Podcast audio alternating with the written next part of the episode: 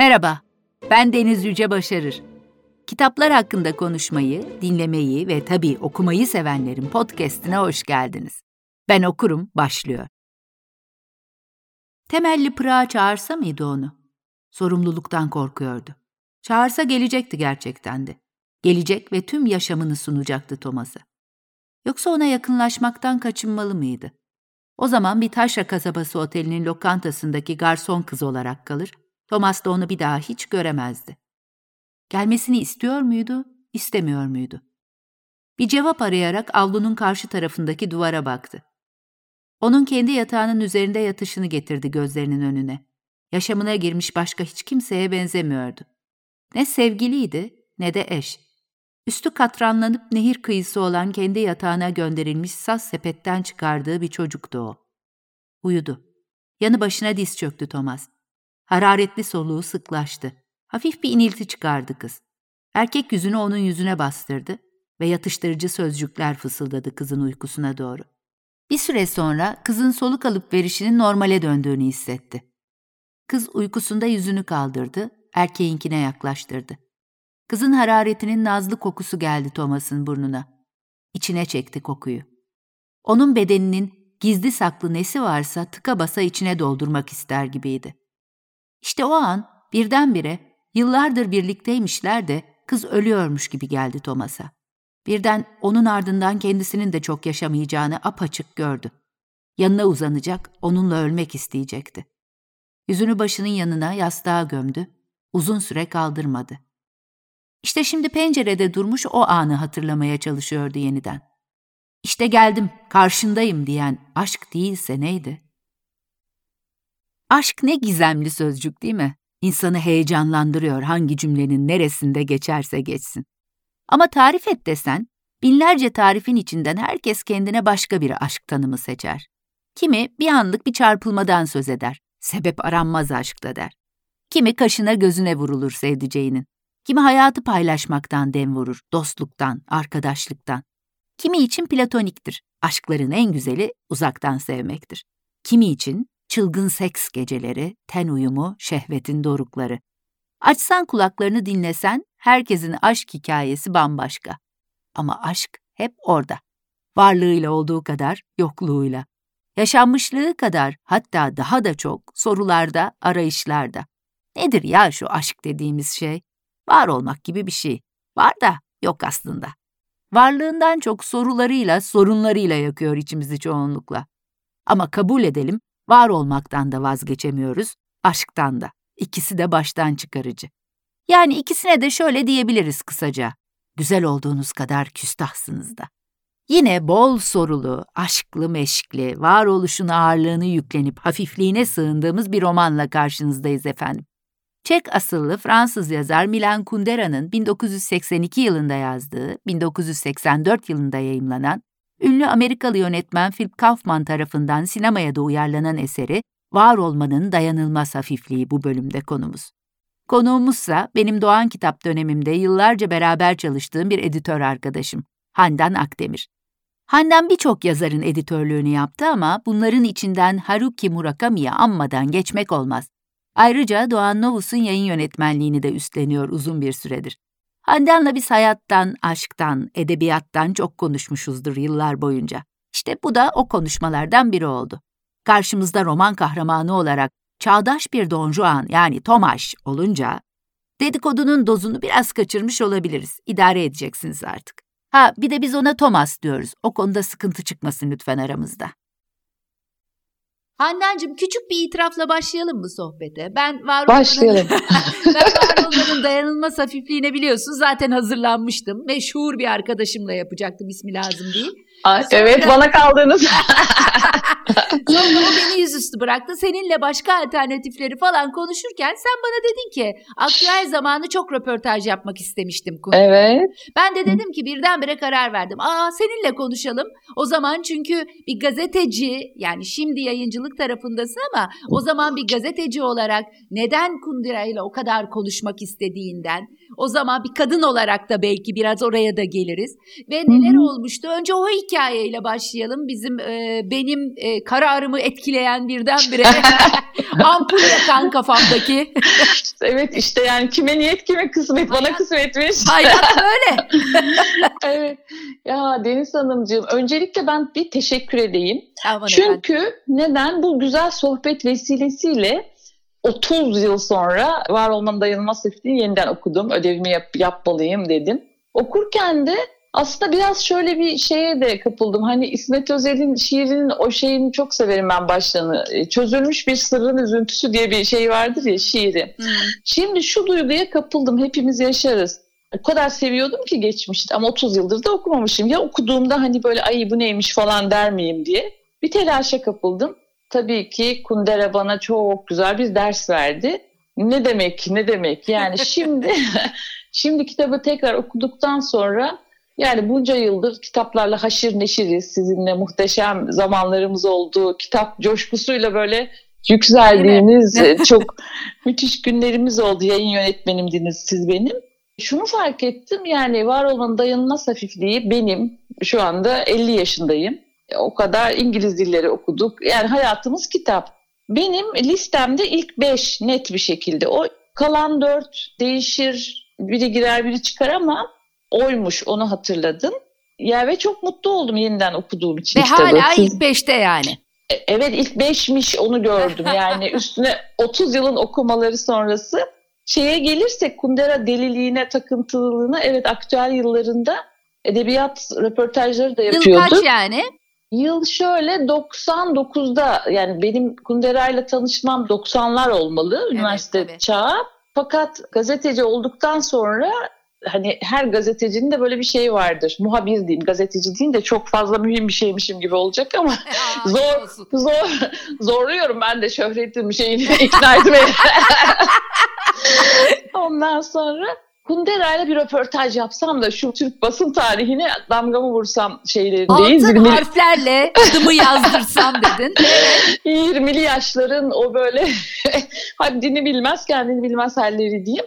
Şöyle bir şey vardı. Kundera'nın bir iletişim bilgisi vardı. Muhtemelen yayın evinden alınmış. Bir mail adresi.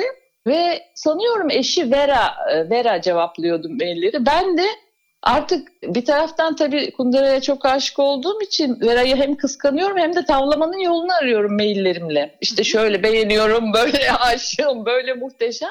Fakat bu çabaya başladığımda zaten Kundera yanılıyor olabilirim ama 94'lerden itibaren galiba röportaj vermemeye başlamıştı. Evet. Yanılıyor olabilirim ama ama ben diyorum ki ben kıracağım bu Vera şeyini, barajını, engelini. Yazıyorum, çiziyorum, işte kendimden bahsediyorum falan. Olmadı tabii çok zarif bir şey yanıtı döndü. İlkinde, ikinciye, üçüncüye de cevap vermediydi. Yani kusura bakmayın işte biliyorsunuz Kundera şu tarihten itibaren artık röportaj vermiyor gibi. Şeyi de cevaplamış olayım. Yani ben şöyle hissediyordum. Sizinle Murakami'yi tanıdım ve editörü oldum. En gurur duyduğum şeylerden biri. Sizin sayenizde Murakami'den de şey alıyorum yani. Prim kapıyorum. Sahilde Kafka'yı bana ilk işte Doğan Kitap'ta biz birlikte çalışırken ilk işe başladığımda en güzel kitabıyla beni işe başlatmıştınız. Ya ne güzel Ee, zamandır o da. Evet çok güzel. Şöyle hissediyordum ben geçmişte. Yani hayatın bir anlamı varsa bunu Kundera anlatıyor. Bir sonraki kitabı yazsın da hayat nedir bir daha anlayayım, bir daha şey yapayım. Yani hayat ne, nerede şimdi, neredeyiz şimdi? Böyle bir tutkuyla çabalamıştım ama olmamıştı. Olsun gene de gönlümüzde yeri her zaman. Ayrıdır. Ayrıdır Evet. diyelim. Evet. Belki de Vera o Evet. kadar ısrardan da rahatsız olmuş olabilir bak anne. Ke- kesin kesinlikle olmuş olmalı. Çünkü ben o kadar yani saçma sapan şeyler yazdığımı hatırlıyorum ki yani işte ben atıyorum 30 yaşındayım en büyük hayalim bu. Hayır ne kadar çocuksu bir şey acındırma çabası. ne olur benim için olsun falan gibi. Neyse kader. Milan Kundera'nın gönlümüzde yeri neden ayrıdır peki? Herkesin Kundera'sı kendine tabii ama ben galiba yazarın sözlerinden yola çıkmayı tercih edeceğim. Romancı ne tarihçidir ne de peygamber. O varoluşun kaşifidir diye tarif ediyor Kunderacığımız roman sanatını. Hani biz akla kara arasında bir seçim yapmaktan yanayız ya genellikle.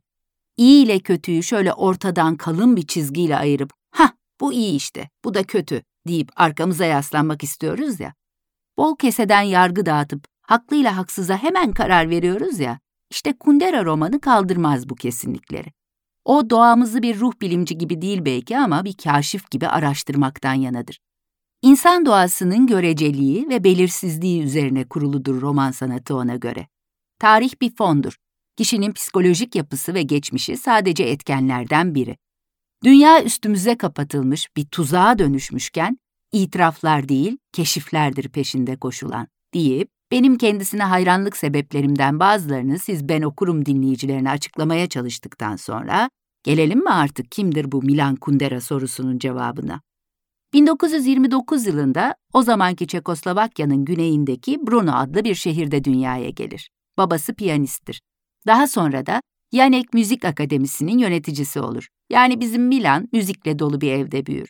Belki de romanlarındaki ritmin kökenini müzikle erken yaşlarda kurulan bu sağlam ilişkide aramak gerekir. İlk şiirlerini lise çağlarında yazmaya başlar. Bir caz grubunda trompet çalar.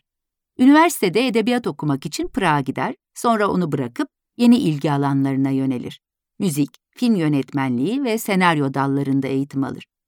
Gençliğinde Çekoslovakya Nazi işgali altındadır. İkinci Dünya Savaşı'nın ardından tüm Orta Avrupa gibi komünist devrim fikri ve gerçeği kasıp kavurur orayı da. Henüz 20'li yaşlarındayken o da arkadaşları gibi Komünist Parti'ye üye olur. Ama zamanla bir şeylerin ters gittiğini fark eder Milan. Fikirlerini dile getirmeye başlayınca da ihraç edilir partiden. Prag Film Akademisi'nde öğretim üyesi olarak çalışmaya başlar. Bir yandan da denemeler, şiirler, oyunlar kaleme almaktadır. İlk önemli eseri Perde 1960 yılında yayımlanır. 7 bölümden oluşan bir deneme kitabıdır bu.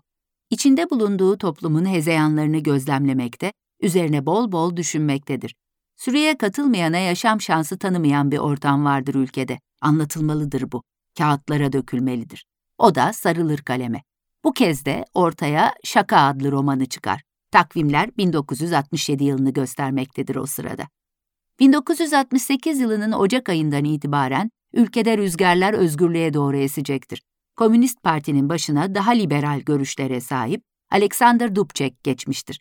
Aynı yılın Nisan ayında ilk reform hareketleri başlar.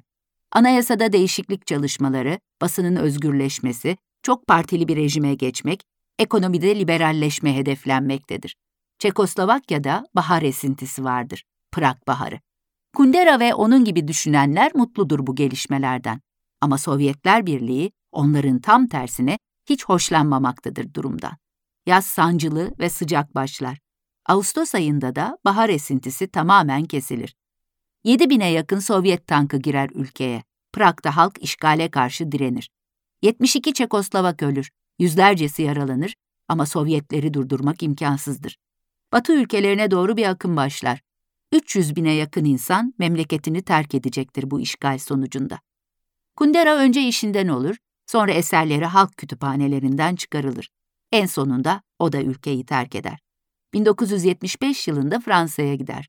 Yanında 1967 yılında evlendiği eşi bizim Handan'ın pek sevgili Verası vardır. Kalemi durmaz elbette. 1973 yılında Yaşam Başka Yerde adlı romanı önce Fransa'da yayımlanacak 1978'de komünist rejime muhalif çekleri odağına alan eseri Gülüşün ve Unutuşun kitabı Fransız okurlarla buluşunca Çekoslovak hükümeti tarafından vatandaşlıktan çıkarılacaktır. Artık Çek vatandaşı değildir o. Ama bir Fransız gibi de hissetmemektedir kendisini. Yine de özgürce yaşayıp yazabilme imkanı tanıyan bu yeni ülkenin edebiyatına ait kabul edecektir kendini ilerleyen yaşlarında ve öyle kabul edilmek isteyecektir. Ona dünya çapında ün getiren romanını Fransa'da kaleme alır Kundera. Var olmanın dayanılmaz hafifliği 1984 yılında yayımlandığında romancılık hayatının yeni bir devresine de girmiştir artık. Politika biraz daha geri çekilip sahneyi iyice felsefeye bırakmaktadır. Bir filozof değildir elbette ama olayları, insanları, ilişkileri, düşünceleri felsefi açıdan sorgulamakta gitgide maharet kazanacaktır. İşi budur bizim Milan'ın hayatı sorgulamak ve okurlarına sorgulatmak. Esas konumuz var olmanın dayanılmaz hafifliği. E, sanki var olmanın dayanılmaz hafifliği öncelikle e, hayata algılayış biçimimize dair sorular sorduruyor okuruna. İşte başlığı, bölümleri, romanın daha açılışından başlayarak Nietzsche'ye ve diğer düşünürlere göndermeleri, hayatı hafife almak mı yoksa tüm ağırlığını üzerimizde hissedip bu ağırlığın hakkını vermek mi? Ne dersin? Var olmanın dayanılmaz hafifliği bizi bu konuda nerelere sürüklüyor? Bir de katılır mısın aslında temel noktanın bu olduğuna? Tabii kesinlikle bir sürü felsefeciden referans da yapıyor. Notlar da aldım hocam. Dersimi de çalıştım. İşte Aferin çocuğum. Parmenides'ten hafiflik olumludur, ağırlık olumsuzdur. Aslında isterseniz şey yapalım. Yani romanımızın baş kahramanı Thomas hafifliği şiar edilmiş. Şöyle ki mesela kadınlarla ilişkisinde işte Teresa ile tanışana kadar erotik dostluk diye bir şey yol tutturmuş Thomascığımız. Yani hani ıssız adam mı diyelim, arıza erkek mi diyelim yani bağlanmayayım. Çünkü evet. bağlanınca ağırlık oluşacak, seni aşağı çekecek. Thomas hafiflik içinde ilerliyor aslında kadınlarla ilişkisinde. Çok işte erotik ilişkiler ama bağlanma yok. Biz aslında bence hikayede biraz da şeyi görüyoruz. Ne kadar hafifliğin peşinden koşarsak koşalım sanki ağırlaşmak zorunda kalıyoruz gibi anladım ben. Finalde. Bir an geliyor. bir an geliyor. yani hayatı hafif yaşamak ya buna çok kafa yoruyoruz evet ama yani ben biraz da kaderciyim kaçışı da yok. Belki de belki de o hafifliğin şeyini de ağırlıkları yaşamadan da mı anlamıyoruz? Yani hafiflik de ancak ağırlık varsa şeyini buluyor sanki. Sonuç olarak hafifliği anlayabilmek için bir ağırlıktan geçmek ve kimin hangisinin ne olduğunu anlamak da gerekiyor galiba değil mi? Çok güzel söylediniz. Yani şey yasası, zıtlıklar yasası o yoksa bu da yok. Onu da galiba kitapta ona benzer şeyler de vardı değil evet, mi? Tabii. Evet, evet. Mutluluk, mutsuzluk yani iki zıt uç varsa var oluyorlar yoksa tek başına hafiflik de yok aslında gibi bir durum çıkıyor ortaya tam sanki. Da, tam da bu iki zıt kutup meselesi aslında Thomas ve Teresa'ya da denk geliyor. Ee, evet. Thomas hayatı daha hafife alarak yaşadığını söylüyor. Teresa ise ağırlığı daha güçlü hissettiğini bize her e, satırda hissettiriyor. Ama bazen de Sanki bu kutuplar yer de değiştiriyor. E, sen nasıl tanımlarsın onların ilişkilerini? Belki de önce e, Thomas ve Teresa karakterleri hakkında tam ne düşündüğünü de e, Tabii. dinleyelim. Evet aslında şöyle kitabı dedim ya size teşekkür borçluyum. Kendimizi hatırlamak açısından da güzel oldu. Şöyle ki şunu düşündüm bir kere tükettiğimiz diyorlar artık. Tükettiğimiz eserler, filmler, şunlar bunlar ya da izlediğimiz, Hı. keyif aldığımız aslında bizim tabii dünyaya bakışımızı çok şekillendiriyor. Şunu fark ettim. Mesela bugünün 20'li yaşlarındaki insan, e, çocuklar hangi aşklara öykünüyorlar acaba diye düşündüm. Çünkü var olmanın dayanılmaz hafifliği şimdi Google'layarak hatırladım. 82'de yazmış Kundera. İşte en önemli, en iyi örneklerinden felsefi romanın diyor. Yani benim kuşağımın aşk şöyle olmalı şeyini çok etkilediğini düşünüyorum bu, bu romanın özelinde. Şimdiki çocuklar, e, genç arkadaşlarımız yani biz öyle aşklar arıyorduk. Onlar daha hafif aşklar arıyor olabilirler. evet. Yani isterseniz şeyi söyleyelim kabaca. Yani romanı en en özet haliyle söylemek istersek Thomas adında bir cerrahımız var. Bir taşra kentine tesadüfi biçimde gidiyor. Bir seminere birinin yerine katılmak zorunda kalıyor. Orada da garson kız Teresa ile etkileşime giriyor. Teresa'ya hangi akla hizmet olduğunu tam şey yapamadı kendinin de bir şekilde. Telefon numarasını veriyordu galiba adresini. Sonra kız bir gün çıkıp geliyor. Aslında bütün roman bu aşk ilişkisinin ekseninde. Bir de şeyi var tabii yansıması. Yani Thomas'ın erotik e, arkadaşlarından, sevgililerinden biri Sabina. Tabii. Sabina'nın da Fransız'la ilişkisi ne kadar ilginç. Ters şey gibi, yansıma gibi gibi değil mi? Evet. Yani iki ilişkide de bir taraf tutkulu seviyor. Ötekini sahiplenip yutmak istiyor. Böyle hatta şeyi not almışım çok hoşuma gitti. Bir gün Thomas Tereze'ye soruyor ne istiyorsun diyor. Yaşlanmanı istiyorum. 10 yıl daha yaşlanmanı istiyorum diyor. Yani aslında Thomas'ı ehlileştirmek istiyor gibi bir durum. E, soruyu unuttum ama böyle buralara kadar geldi. onların ilişkilerini tanımlayalım ve onları t- biraz tanımlayalım demiştim. E, oralarda tamam. dolaşıyoruz. Tabii evet. gelmeden ikisinde kalırsak tamamız. Tamam, tamam. ona tamam. da geleceğiz Tom, nasıl olsa. Tamam, Thomas'cığımız tam bir ıssız adam, arıza erkek, e, erotik dostluklar kuruyor kadınlarla. E, var olmanın hafifliği içinde yaşamak istiyor. Hatta bir sistem bile geliştirmişti hatırlarsanız. Evet, Üçler üçler. kuralı. Evet, hmm. evet. Yani bir kadınla üç, üç kere peş peşe görüşüyorsa bir boşluk bırakıyor ki o bağlanma riski oluşmasın. Fakat yani kaderin cilvesi Teresa ile tanışıyor. Teresa da atlayıp geliyor Pırağa. Onu ziyaret ediyor ve kızcağız hop hasta oluyor. Nezle, grip tarzı bir şey oluyor. Yatağa düşüyor. Yani ilişkileri bir tutkuyla bir böyle arzu yükselmesiyle başlamış değil de kaderi bir şeyler oluyor. Hatta e, en çarpıcı cümlesi şeyin kitabın metaforlar tehlikelidir. Bir metafordan aşk doğabilir diyor Kundera. Çünkü Thomas Teresa'nın böyle evine gelip e, sevişmelerin hemen ardından ateşler içinde yatağa düşmesini, o çaresiz halini Musa'nın nehre bir sepette bırakılışına benzetiyor ve sanıyorum artık benim sorumluluğumda onu bırakamam şeyi de bu eğretilemeyle gelişiyor. İlişkilerinde tabii ehlileştirmeye çalışan Teresa, hep başka kadınlara giderek onu rüyalarında bile yaralayan Thomas ama tabii finalde e, başka bir evet. şey oluyor, başka Final, şeyler oluyor. Evet. Finali söylemeyelim. Final, finale gelmeyelim. Var olmanın dayanılmaz hafifliği Thomas'la Teresa'nın aşkı ekseninde ilerlese de temel soruları aşkla sınırlı değil elbette. Romanın temelindeki var olmanın hafifliği mi, ağırlığı mı ikilemi biraz da yaşamın biricikliği üzerinden değerlendiriliyor. Kundera bir Alman özdeyişini kanıt olarak sunuyor okuruna. Einmal ist keinmal der Almanlar. Yani bir kere olan hiç olmamış sayılır. Hani bizim memlekette de diyorlar ya bir kereden bir şey olmaz. İşte öyle. E o zaman hayata da bir kere geldiğimize göre bu ilk gelişte yaptığımız hataları temize çekebileceğimiz ikinci bir şansımız olmadığına göre nedir bu üzerimizdeki baskı? Niye ciddiye alıyoruz ki bu kadar hayatı? Romanın ana karakteri Thomas tam da böyle düşünen biri. Özellikle ilişkilerinde hafiflikten yana o. Kimseye bağlanmadan sürdürmek istiyor yaşamını. Kuralları baştan belli erotik dostluklarında cinsel oyunlar sınırsız. Ama yakınlık, bağlılık amansız. Zinhar, kaçınız. Ta ki Teresa hayatına girene kadar. Teresa, açık bir defter misali kendini olduğu gibi sununca ona, bir bebek bir çocuk gibi neredeyse sığınınca onun yatağına, başta tereddüt etse de karşı koyamıyor bu genç kadına. Evliliğe kadar varıyor ilişkileri. Thomas bucak bucak kaçtığı sevecenlik fikrinin kucağına düşüyor istemeden de olsa. Ama sanmayın ki erotik dostluklarından vazgeçiyor. Teresa'ya çok acı verse de Thomas'ın kadınları keşif turları sürüyor. Erotik dostları arasında kendine en yakın hissettiği, arkadaşça sohbet edebildiği ressam Sabina'nın ayrı bir yeri var bu arada.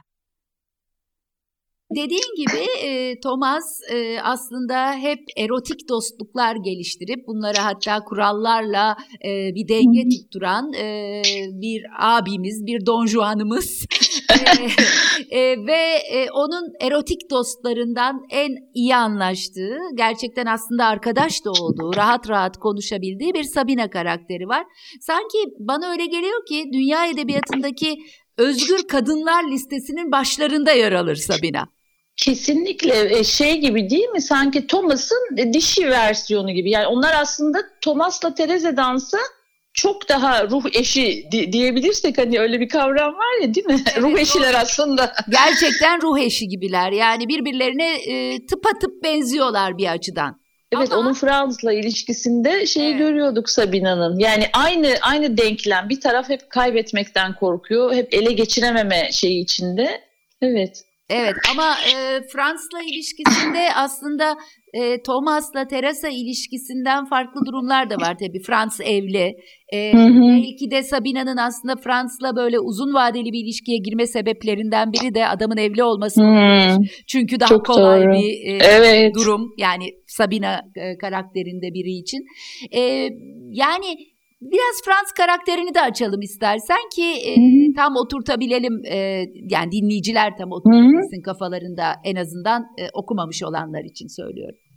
Frans karakterinin e, şimdi mesleğini unuttum. Ee, akademisyen, akademisyen, evli bir kızı var. Şey de çok güzeldi bu arada. E, yanlış anlamalar sözlüğü de yapıyor Kundera.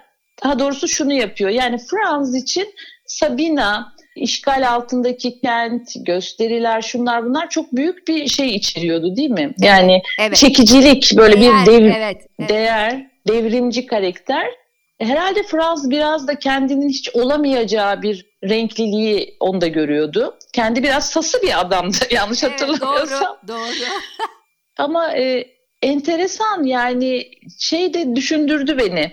Teresa da başta hani çok da büyük renkler içermiyor gibi geliyor okura. E, ilginç bir şekilde böyle bir e, nötralize etme şeyi mi var aşkın acaba kanunu mu var? Yani Sabina ile Thomas kadar güçlü karakterleri şey yapmak için biraz dengelemek için biraz daha şey gözüken, e, o kadar çarpıcı gözükmeyen bir kahramanla eşleşme.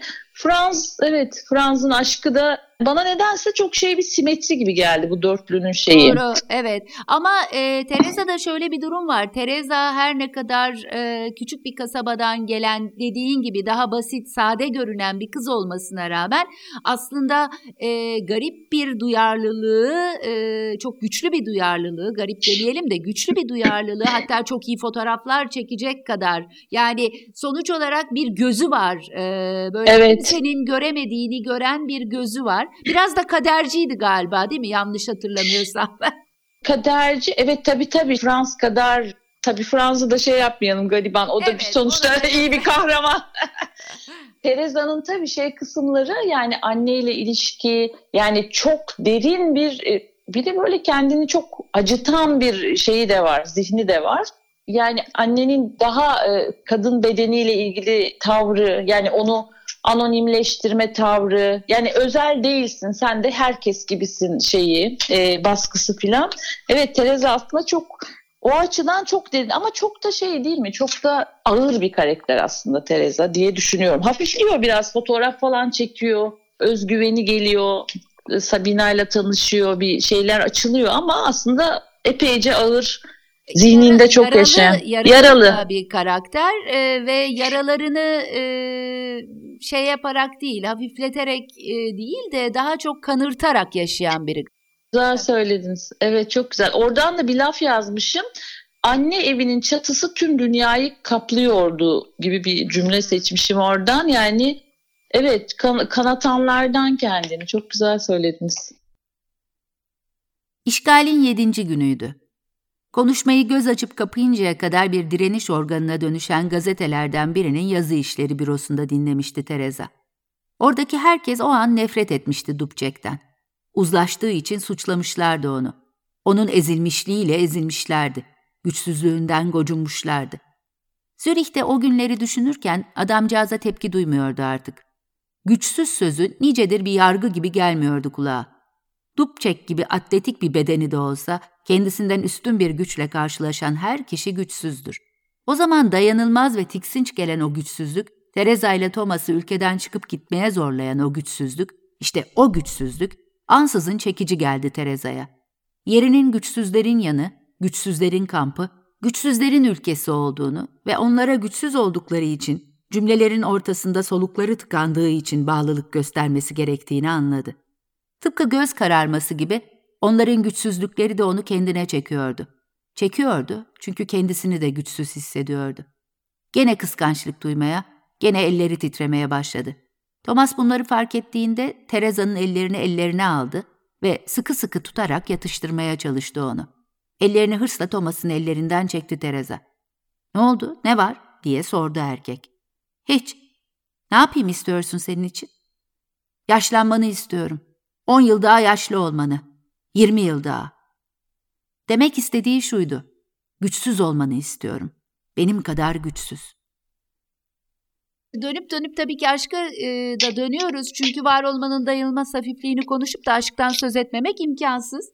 E, bizim kuşağın biraz önce sen de söyledin kadın erkek ilişkisine bakışında bu romanın da biraz etkisi olmuş olabilir. Belki entelektüel ya da bu iddiadaki erkekleri daha womanizer hmm. yapmış olabilir mi acaba? Kesinlikle katılıyorum. Yani çünkü biz de yani tabii ki de Thomas'a çok aşık olmuştuk okur kadınlar olarak. Evet çok da cezbedici yani baştan çıkarıcı bir karakter olduğunu kabul edelim. Bir de ee, e, belki acı çektiriyor Teresa'ya e, başka kadınlarla ilişkisi vasıtasıyla ama Teresa'ya davranışlarında yani ikili ilişkilerinde aslında e, hiç de öyle değil anlayışlı, yumuşak ve duygusal bir adam portresi de çiziyor değil mi? Bağlı, bağlanmış bir şeyi var evet. Yani kader bağlamış onları gibi bir, gibi bir evet öyle bir durumda var ama çok şey çok e, Daniel Day-Lewis oynamıştı filminde evet, değil mi? O da çok evet. yakışıklı bir arkadaşımız. Evet. Or, oradan o zaman e, daha yakışıklıydı tabii. evet romandaki Thomas'a aşıktır, aşıktık ama filmden sonra mesela kadın kahraman kimdi hatırlamıyorum Deniz Hanımcığım çok ayıp Juliette belki ama. Juliette Binoche. Aa, o, o zaman o evet çok ayıp olmuş. Genç ve hoş hmm, o zaman tabii. Çok da yakışır evet. evet çok, çok. çok.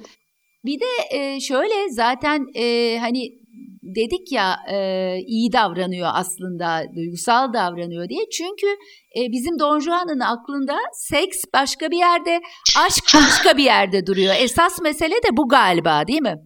Evet çok güzel söylediniz. Benim de notlarım da var hocam. Hemen hemen şey yapıyorum.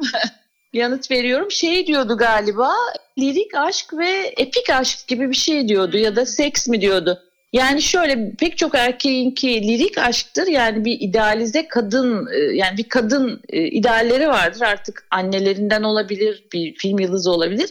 Pek çok erkek kafasındaki o kadın idealine aşık olur diyordu. Oysa Thomas'ınki için epik aşktı diyor ve şey aşkı ya da seks diyor çok emin değilim.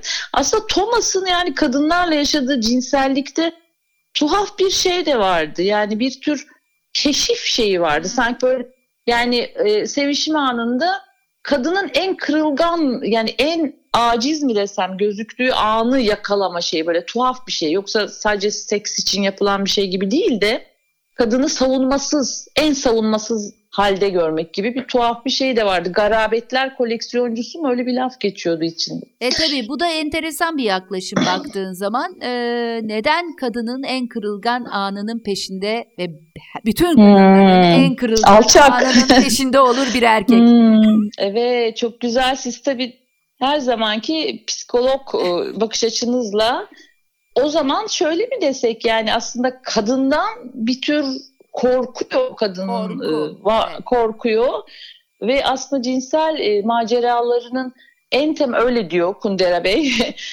cinsellikteki bu böyle koleksiyoner tavrının altında da o anı yakalama arzusu var hep. O savunmasızlık saniyesini büyük ihtimalle de şey yapıyor kadın korkusuyla şey olabilir. Siz ne dersiniz bir psikolog olarak? olabilir. Yani tabii burada biraz e, yakınlık korkusu var. Özellikle bir kadınla yakınlık korkusu var. Zaten aile ilişkilerinin de çok sağlam olmadığını söyleyebiliriz Hı-hı. herhalde Thomas'ın. Çünkü aslında bir e, önceki bir evliliği var, bir oğlu var. Hı-hı. Onlarla da kopmuş vaziyette. Yani bizim Thomas'ın bir bağlanma sorunu var.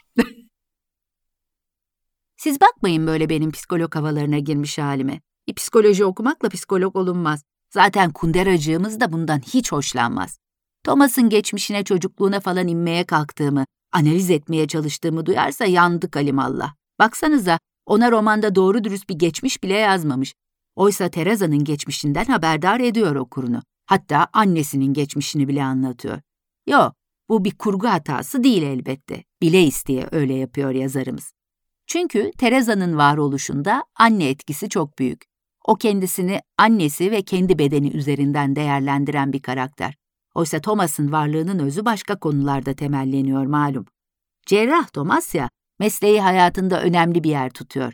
Yani sırf cinsellik imasında bulunmadım valla. Romanın 1968 yılında geçtiğini söylemeyi de atlamayalım. Prag Baharı'nı, sonra da Rus işgalini yaşıyor kahramanlarımız. Onlar da tıpkı yazarımız gibi batıya gitmek zorunda kalıyor.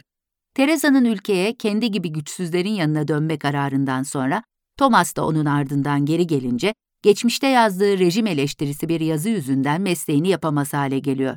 Önce cerrahlıktan pratisyen hekimliğe, sonra da cam silme işine kadar indiriliyor iktidar tarafından.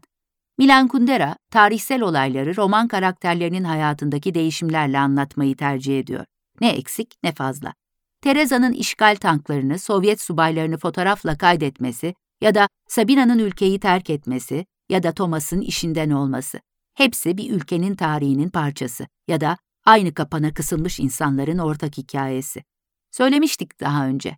Romancı ne tarihçidir ne peygamber. Unutmayın, kaşiftir o. Yetkililer Thomas'ın cerrah olarak kalmasını istiyorlar aslında ama yazdıklarını yalanlayan bir belge imzalaması karşılığında. Thomas her teklif ettiklerinde reddediyor bunu ve cerrahlıktan uzaklaştığında da hayatı olduğu gibi kabul etmeyi sürdürüyor. Tamam, bizim Thomas kadınlara sadık olmayabilir ama kendine ve fikirlerine sadık gördüğünüz gibi. Her durumda aynı hafiflikle yürüyor bildiği yolda. Var olmanın dayanılmaz hafifliğini anlatırken zorlanıyorum biraz aslında. Çünkü istiyorum ki okumayanlar varsa aranızda Thomas'ı sadece sıradan bir Don Juan olarak görüp geçmesinler. Tamam biz Handan'la biraz dedikodusunu yapmış olabiliriz o yönde. E, o da işin tuzu biberi. Ama Kundera'nın Thomas ya da diğer karakterler üzerinden yürüttüğü varoluş keşiflerinin gücü eksilsin istemem. Teraza'nın varlığındaki izleri de doğru sürmeliyiz. Sabina'yı, Sabina'nın evli sevgilisi Frans'ı, Orta Avrupa'nın içine kapatıldığı çıkmazı da göz ardı etmemeliyiz. Ama diğer yandan da filozoflara göndermeler yapan, felsefi sorular soran, yazarın devreye girdiği bölümlerde okuruna bir deneme lezzeti sunan bu kitabı ağır bulup kaçan da olsun istemem. Var olmak kadar derin ve bir o kadar da hafif işte roman. Anlayın siz beni. Biraz da Kundera'nın yazım tarzından söz edelim mi? Çünkü bana Kundera romanları biraz da deneme tadı veriyor. Yani elbette hayattan ve anlattığı olaydan kopmadan denemeyle kurguyu birbirinin içine ustaca geçiriyor. Hınzır da biraz. Sen ne düşünüyorsun onun üslubu hakkında? Çok çok güzel. Bir kere şey yapıyor, araya giriyor. Yani hmm. hani sizinle hep konuştuğumuz bir şey vardı. Willing suspension of disbelief. Yani bir, bir okur kitabı eline aldığında yazarın yarattığı dünyayı artık kabul eder. Orada nasıl bir atmosfer yaratıyorsa. Oysa şey Kundera güzel gevezelik edebiliyor felsefe üzerine. Bir dakika ben araya gireceğim. Burada Thomas oraya bakıyor ama aslında aklından da şunlar geçiyor gibi. Sahnede e, yerini alıyor. Felsefi yoğunluğu da tabii çok şey kitabın. Bu yazım tarzı çok güzel bir adı var mıydı bilmiyorum. Yani buna postmodern mi diyoruz? Hani yazarın biliyoruz herhalde buna evet. Ama bunu öyle bir halde yapıyor ki e, Kundera yani e, aslında hani bunu çok uzatırsan çünkü bunun dengesi bence çok hmm. önemli. E, bütün o romanın keyfini de kaçırabilecek bir şey bu aslında öyle bir tarz. Ama Kundera bunu çok güzel bir şekilde dengeye oturtuyor diye düşünüyorum ben. Çok güzel evet o bölümlerde yazar araya girdi ve rol çalıyor kahramanlardan gibi asla hissetmiyorsun. Çok dengede, çok şey, dozunda bir şey. Ee, yani aslında belki de e, yazarın düşünceleri de romandaki bir başka karakter gibi her zaman bizimle. Evet. Hatta yani bu Thomas acaba Kundera mıdır diye çok aşık da olmuş olabi olabiliriz.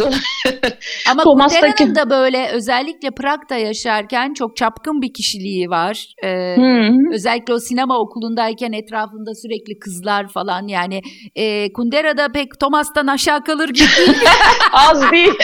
Vera, Vera Hanım'ın neden röportajlara engel koyduğunu Evet Handan Hanım çok yanlış yerden yaklaşmışsınız olaya. Thomas'ta Kundera'yı arayacaksak bulmak çok da zor değil. Sonuçta Kundera'nın ülkesinden uzaklaşmasını sağlayan koşullar Thomas'ı kuşatanlarla aynı. Aynı dönemlerde aynı yollardan geçiyorlar ister istemez. Kundera ülkesinden uzakta Fransa'da bir hayat kuruyor kendine, Thomas da İsviçre'de. Ama Thomas'ın Tereza'sı var peşinden sürüklendiği. Milan Kundera, var olmanın dayanılmaz hafifliğinden sonra Ölümsüzlük, Yavaşlık, Kimlik ve Bilmemek adlı romanlarıyla edebiyat dünyasındaki varlığını sürdürür.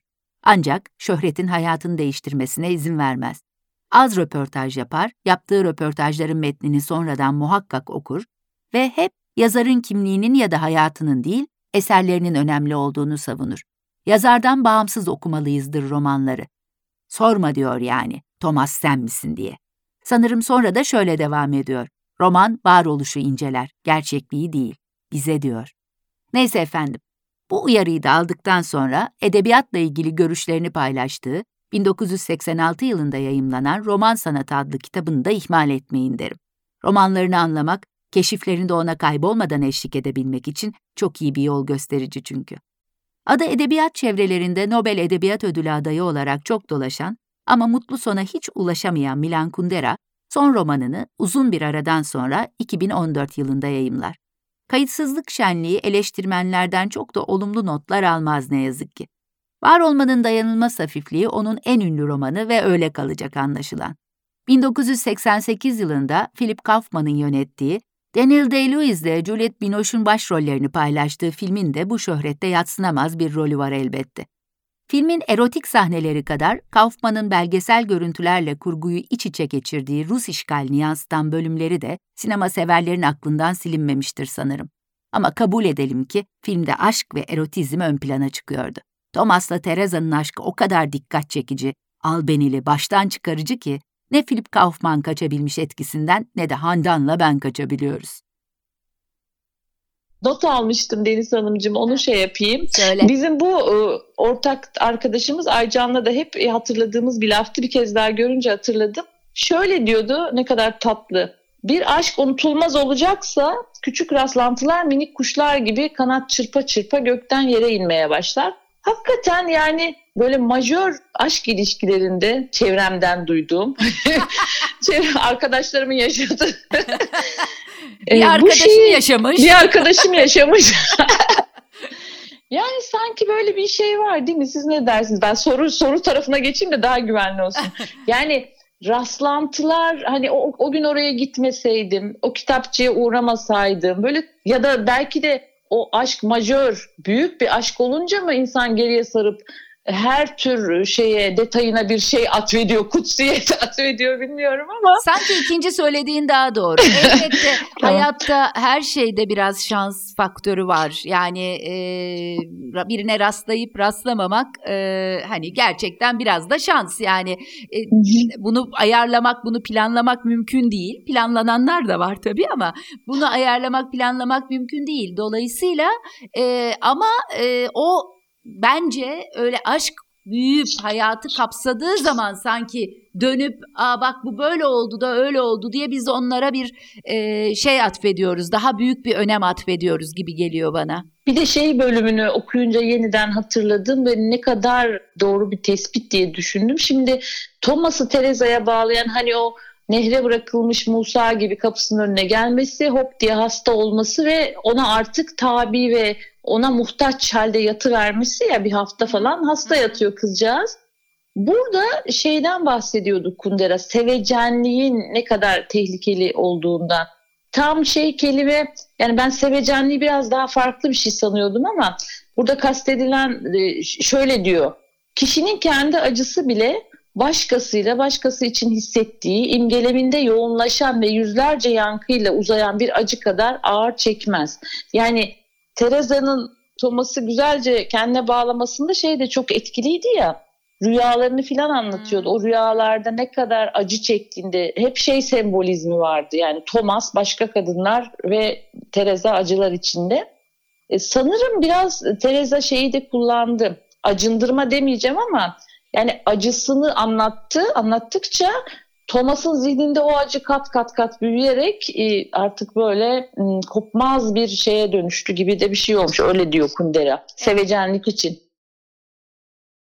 Yabancı bir ülkede olmak, altında insanın ailesinin, arkadaşlarının, meslektaşlarının yaşadığı, söyleyeceklerini orada çocukluğundan beri konuştuğu bir dilde kolayca söyleyebileceği ülkenin sağladığı ağ olmaksızın, yerden çok yüksekte bir telin üzerinde yürümek demekti.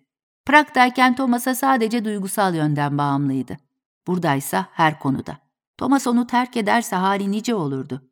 Bütün yaşamı boyunca onu kaybetmek korkusuyla mı yaşamak zorunda kalacaktı? Kendi kendine şunları söyledi. Tanışmaları zaten baştan bir yanlışlığa dayalıydı. Koltuğunun altındaki Anna Karenina sahte kimlikten başka bir şey değildi. Thomas'a kendisi hakkında yanlış bir fikir vermişti. Aşklarına rağmen birbirlerinin yaşamını cehenneme çevirmişlerdi. Birbirlerini sevmeleri, suçun onlarda, davranışlarında ya da duygularında tutarsızlığa düşmelerinde olmadığının kanıtıydı sadece. O güçlüydü, kendisi güçsüz. Bir cümlenin ortasında 30 saniye susan Dubček gibiydi Teresa. Kekeleyen, soluğu tıkanan, konuşmayan yurdu gibiydi. Ama güçlüler güçsüzleri incitemeyecek kadar güçsüz olunca, güçsüzler çekip gidecek kadar güçlü olmak zorundaydılar. Ve kendi kendine bütün bunları söyledikten sonra yüzünü Karenin'in tüylü başına gömdü. Kusura bakma Karenin, anlaşılan bir taşınma daha bekliyor seni, dedi. Aşktan, kişiliklerden söz ettik ama e, var olmanın dayanılmaz hafifliği sadece bir ilişkiler yumağı olarak e, yaratılmış bir roman değil. Arka planı da çok güçlü ve o yüzden de biraz günümüze kadar etkisini sürdürebiliyor bence. Yani ilişkiyle, hayatla ilgili çok soru sorduruyor. Aynı zamanda da tarihi ve siyasi arka planın romandaki yerinden de söz etmek gerekiyor burada sanki. Ne dersin? Aa, tabii edelim. Ben burada biraz sınıfta kalırım ama yani yani şey hakkındaki ben e, benim ilgimi çeken kısmı söyleyeyim. Hani sava e, yani sonuçta Çekoslovakya işgalini anlatıyordu değil mi? Evet, Rusların Öyle Rusların evet. E, benim yani çok gene tuhaf bir detaya takıl, takıldım diye kızarsınız siz bana eski müdür eski müdürüm olarak Yok ama efendim estağfurullah. Artık yani. Ben mesela şeyi çok enteresan buldum. Şimdi tabii bir büyük bir komünizm eleştirisi de vardı kitapta. E, fakat şeyi e, hatırlar mısınız Thomas yani işte bir takım bir tuhaf bir yazı yazıyor. Başına işler geliyor kovuşturmalar şunlar bunlar. Koskoca cerrah adam cam silici oluyor. Ama bana şey çok enteresan gelmişti.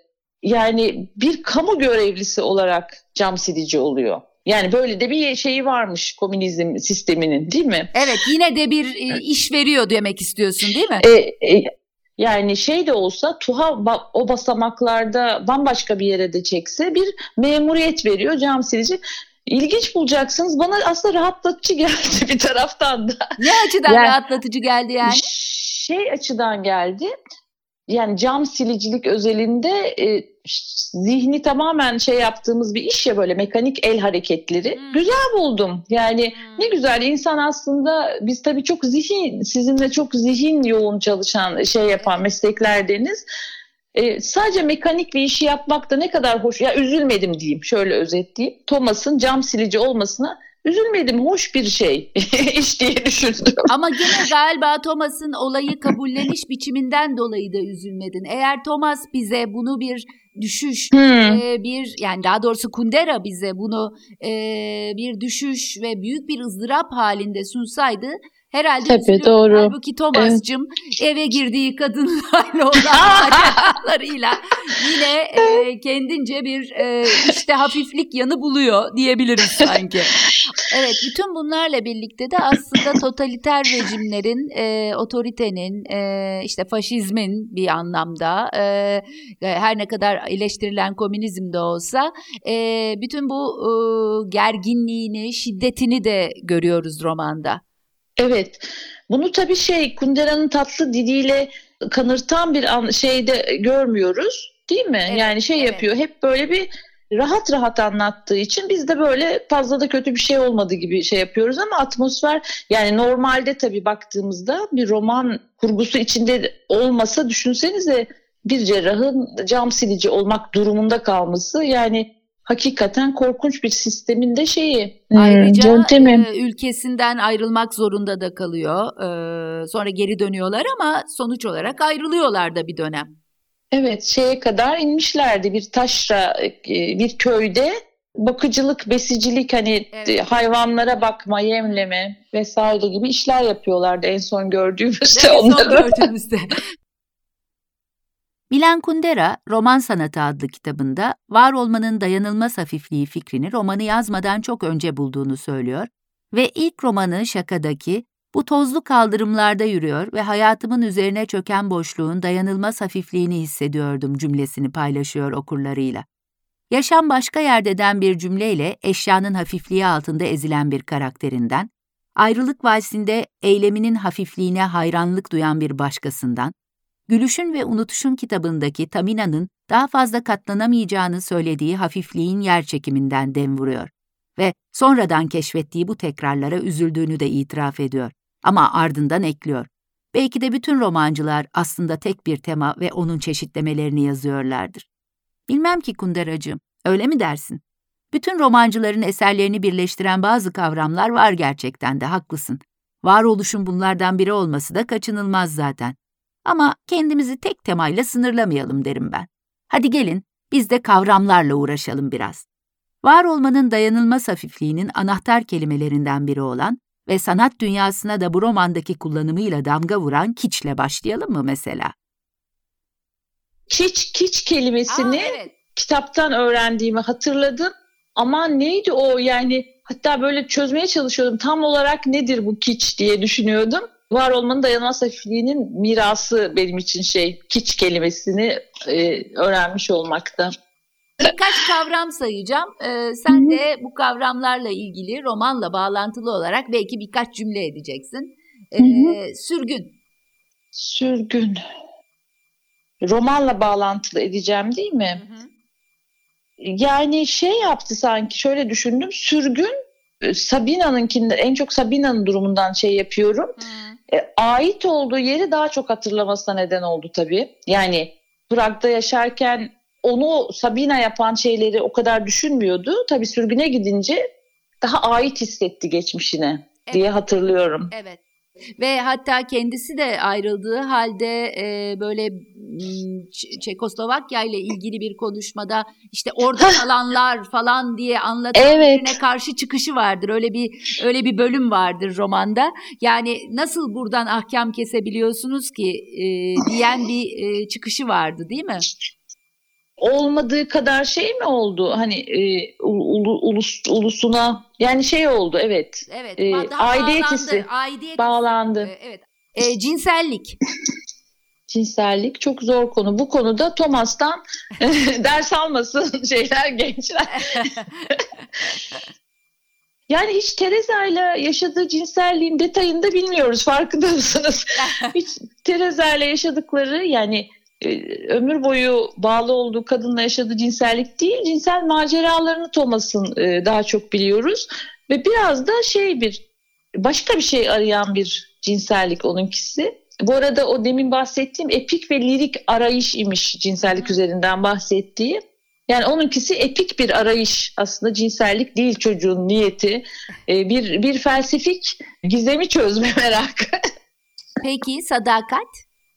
Sadakat, zihinsel bir şey orada romanda, e, fizik. Ha bu arada beden üzerine de güzel şeyleri vardı Tereza'nın. Yani beden annesinin mesela söylemesi ayıptır çıplak gezmesi e, kadın bedenini yani senin bedenin özel değil cümleleri ve Tereza'nın rüyalarında hep çıplak ve çirkin kadın bedenleri görmesi. Bedende hissetme hissedememe şeyi çok vardı Tereza'da. Romanda kendi bedenini hissedemediğini düşünüyorum bir parça. Hmm. Kendini bedeninde hissedemiyordu. Belki annesinin yarattığı bir şeydi bu. Yani senin etin, tenin, kanın hiçbir şey yok. Bir de daha böyle vulgar, kaba yönleri, fizyonomimizin onlarla da çok şey yapıyordu kadın. İşte yellenmek, çiş yapmak şöyle böyle. Evet, evet. Ee, bedeni kutsanacak bir şey değil demeye getiriyordu. ya Karenin? Karenin, Karenin sembol Karenin Hmm. gelişiyle gidişiyle sonunu başını söylemeyeyim ama hı. yani bu aşkın takdis mi denir, kutsama mı denir? Yani bu aşkı başlatan bir şey var, sembolizmi var onun da. Evet, Ee, o belki bir bir çeşit e, birleştirici. E, Birleştirici unsur. Evet. Evet. Yani e, Karenin bu arada köpek. E, bunu da hı. okumamış olanlar için söyleyelim. E, Teresa ile Thomas'ın köpeği. E, sanki bir çeşit birleştirici unsur gerçekten de ve aslında romanda da e, Karenin aracılığıyla sevmenin, aşkın ne olduğuna dair sorular da soruyoruz yani e, diye düşünüyorum. Evet, Kare, Karenin'le daha yakın hissettiği zamanlar oluyordu Teresa'nın kendini. Yani Thomas'la hissedemediği yakınlığı Karenin'le hissettiği anlar vardı yanlış hatırlamıyorsam. Doğru. Küçücük bir çocukken kendini görünmez kılacak mucizevi bir merhem düşlermiş Kundera. İlerleyen yaşlarında da bu arzusu sönmemiş. Belki de o merhem Thomas'tır ne dersiniz? Ya da Teresa, Sabina veya Franz da olabilir. Hatta sevgi boşluklarını koşulsuz bağlılığıyla doldurmayı kendine görev edinen Karenin bile olabilir. Romanlarında yarattığı karakterler sayesinde bizi insan doğasının bilinmezleriyle, değişkenliği, derinliği, uçsuz bucaksızlığıyla yüzleştirip sorularımıza sorular katarken gerçekleşiyordur belki de o mucize. Kundera'nın aradığı merhem onu hem çok görünür kılıp hem de en kuytu köşelere saklayabilen edebiyattan başka bir şey değildir belki de.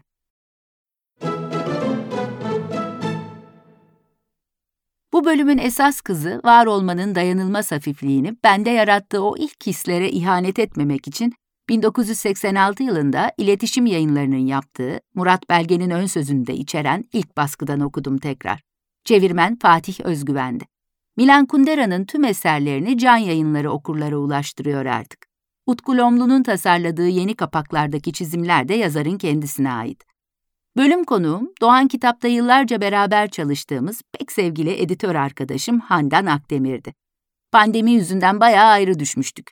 Milan Kundera sayesinde kavuştuk. Bol kahkahalı sohbetlerimizden birini daha gerçekleştirdik. Aşk, meşk, ıssız adamlar, acı çeken kadınlar, hayat ve tabii edebiyat, kadın kadına sohbetlerin vazgeçilmez neşesidir malum. Umarım Kundera bize kızmamıştır çok güldük diye. Kızdıysa da kendisine şöyle demek istiyorum. Hayatı hafife al biraz Kunderacığım ya.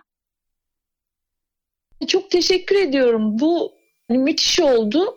Dedim ki iyi hatırladığım, güzel sevdiğim kitapları baştan okuyayım. Madem e, çok iyi, hani çok heyecanlanamıyoruz. Bir, biraz ıssız bir şey var ya, iklim, evet, atmosfer doğru. var bir sürü açıdan, edebiyat açısından da. E, teşekkür ediyorum. Şahane oldu benim için. Yeniden okumak. Kendimi çok iyi hissettim. Bir de bir böyle kuvvetli hissettim. Neden bilmem. Sanki romanı ben yazmışım gibi. evet, ben okurumun bir bölümünün daha sonuna geldik. Ama malum okuma serüvenimizin sonu yok. Bana kitap önerilerinizi yazmak isterseniz e-posta adresim benokurum2020 ve son sözü var olmanın dayanılmaz hafifliğine bırakıyoruz. O kadar alt üst olmuştu ki yatağın içinde dimdik oturdu. Teresa yanı başında derin derin soluk alıyordu. Düşündü. Rüyasındaki kadın tanıdığı kadınlardan hiçbirine benzemiyordu. Hepsinden çok daha yakından tanıdığı duygusunu uyandıran kadın hiç tanımadığı bir kadın çıkmıştı sonuçta. Ama gene de hep özlediği kadındı o. Eğer kişiye özel bir cenneti olacaksa, o cennette bu kadının dizi dibinde yaşardı. Rüyasındaki kadın, aşkının Esmus Zayn'ıydı. Platon'un şölenindeki ünlü efsane geldi aklına ansızın. Tanrı onları ortadan ikiye ayırıncaya kadar bütün insanlar hermafroditti. O zamandan beri bu yarılar birbirlerini arayarak dünyanın dört bir bucağında gezinip duruyorlar. Aşk kaybettiğimiz yarıyı özdeyişimizdi işte. Diyelim ki gerçekten öyledir. Dünyanın herhangi bir yerinde her birimizin bedeninin öteki yarısını oluşturan bir eş vardır. Thomas'ın öteki yarısı rüyasını gördüğü genç kadındı. Ne çare ki insan öteki yarısını kendisi bulamaz. Bunun yerine saz sepette bir teraza gönderilir ona. Peki gene de daha sonra kendisi için kararlaştırılmış olan kişiyle karşılaşırsa ne olur? Hangisini yeğlemelidir? Saz sepetten çıkan kadını mı yoksa Platon'un efsanesindeki kadını mı?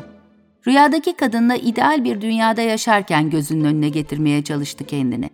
İdeal evlerinin önünden geçip gittiğini görüyor Teraza'nın. Tereza yalnız ve gözlerinde sonsuz hüzünlü bir ifadeyle durup içeriye ona bakıyor. Onun bakışlarına dayanamıyor Thomas. Yeniden onun acısını kendi yüreğinde duyuyor. Yeniden sevecenliğe yenik düşüyor ve Tereza'nın ruhunun ta derinlerine kadar batıyor. Pencereden atlayıp dışarı çıkıyor. Ama Teresa, Thomas'ı hep sinirlendiren o ani, sert hareketlerle kendini nerede mutlu hissediyorsa orada kalmasını söylüyor acı acı. Thomas onun seyren ellerini tutuyor ve sakinleştirmek için kendi ellerinin arasına bastırıyor.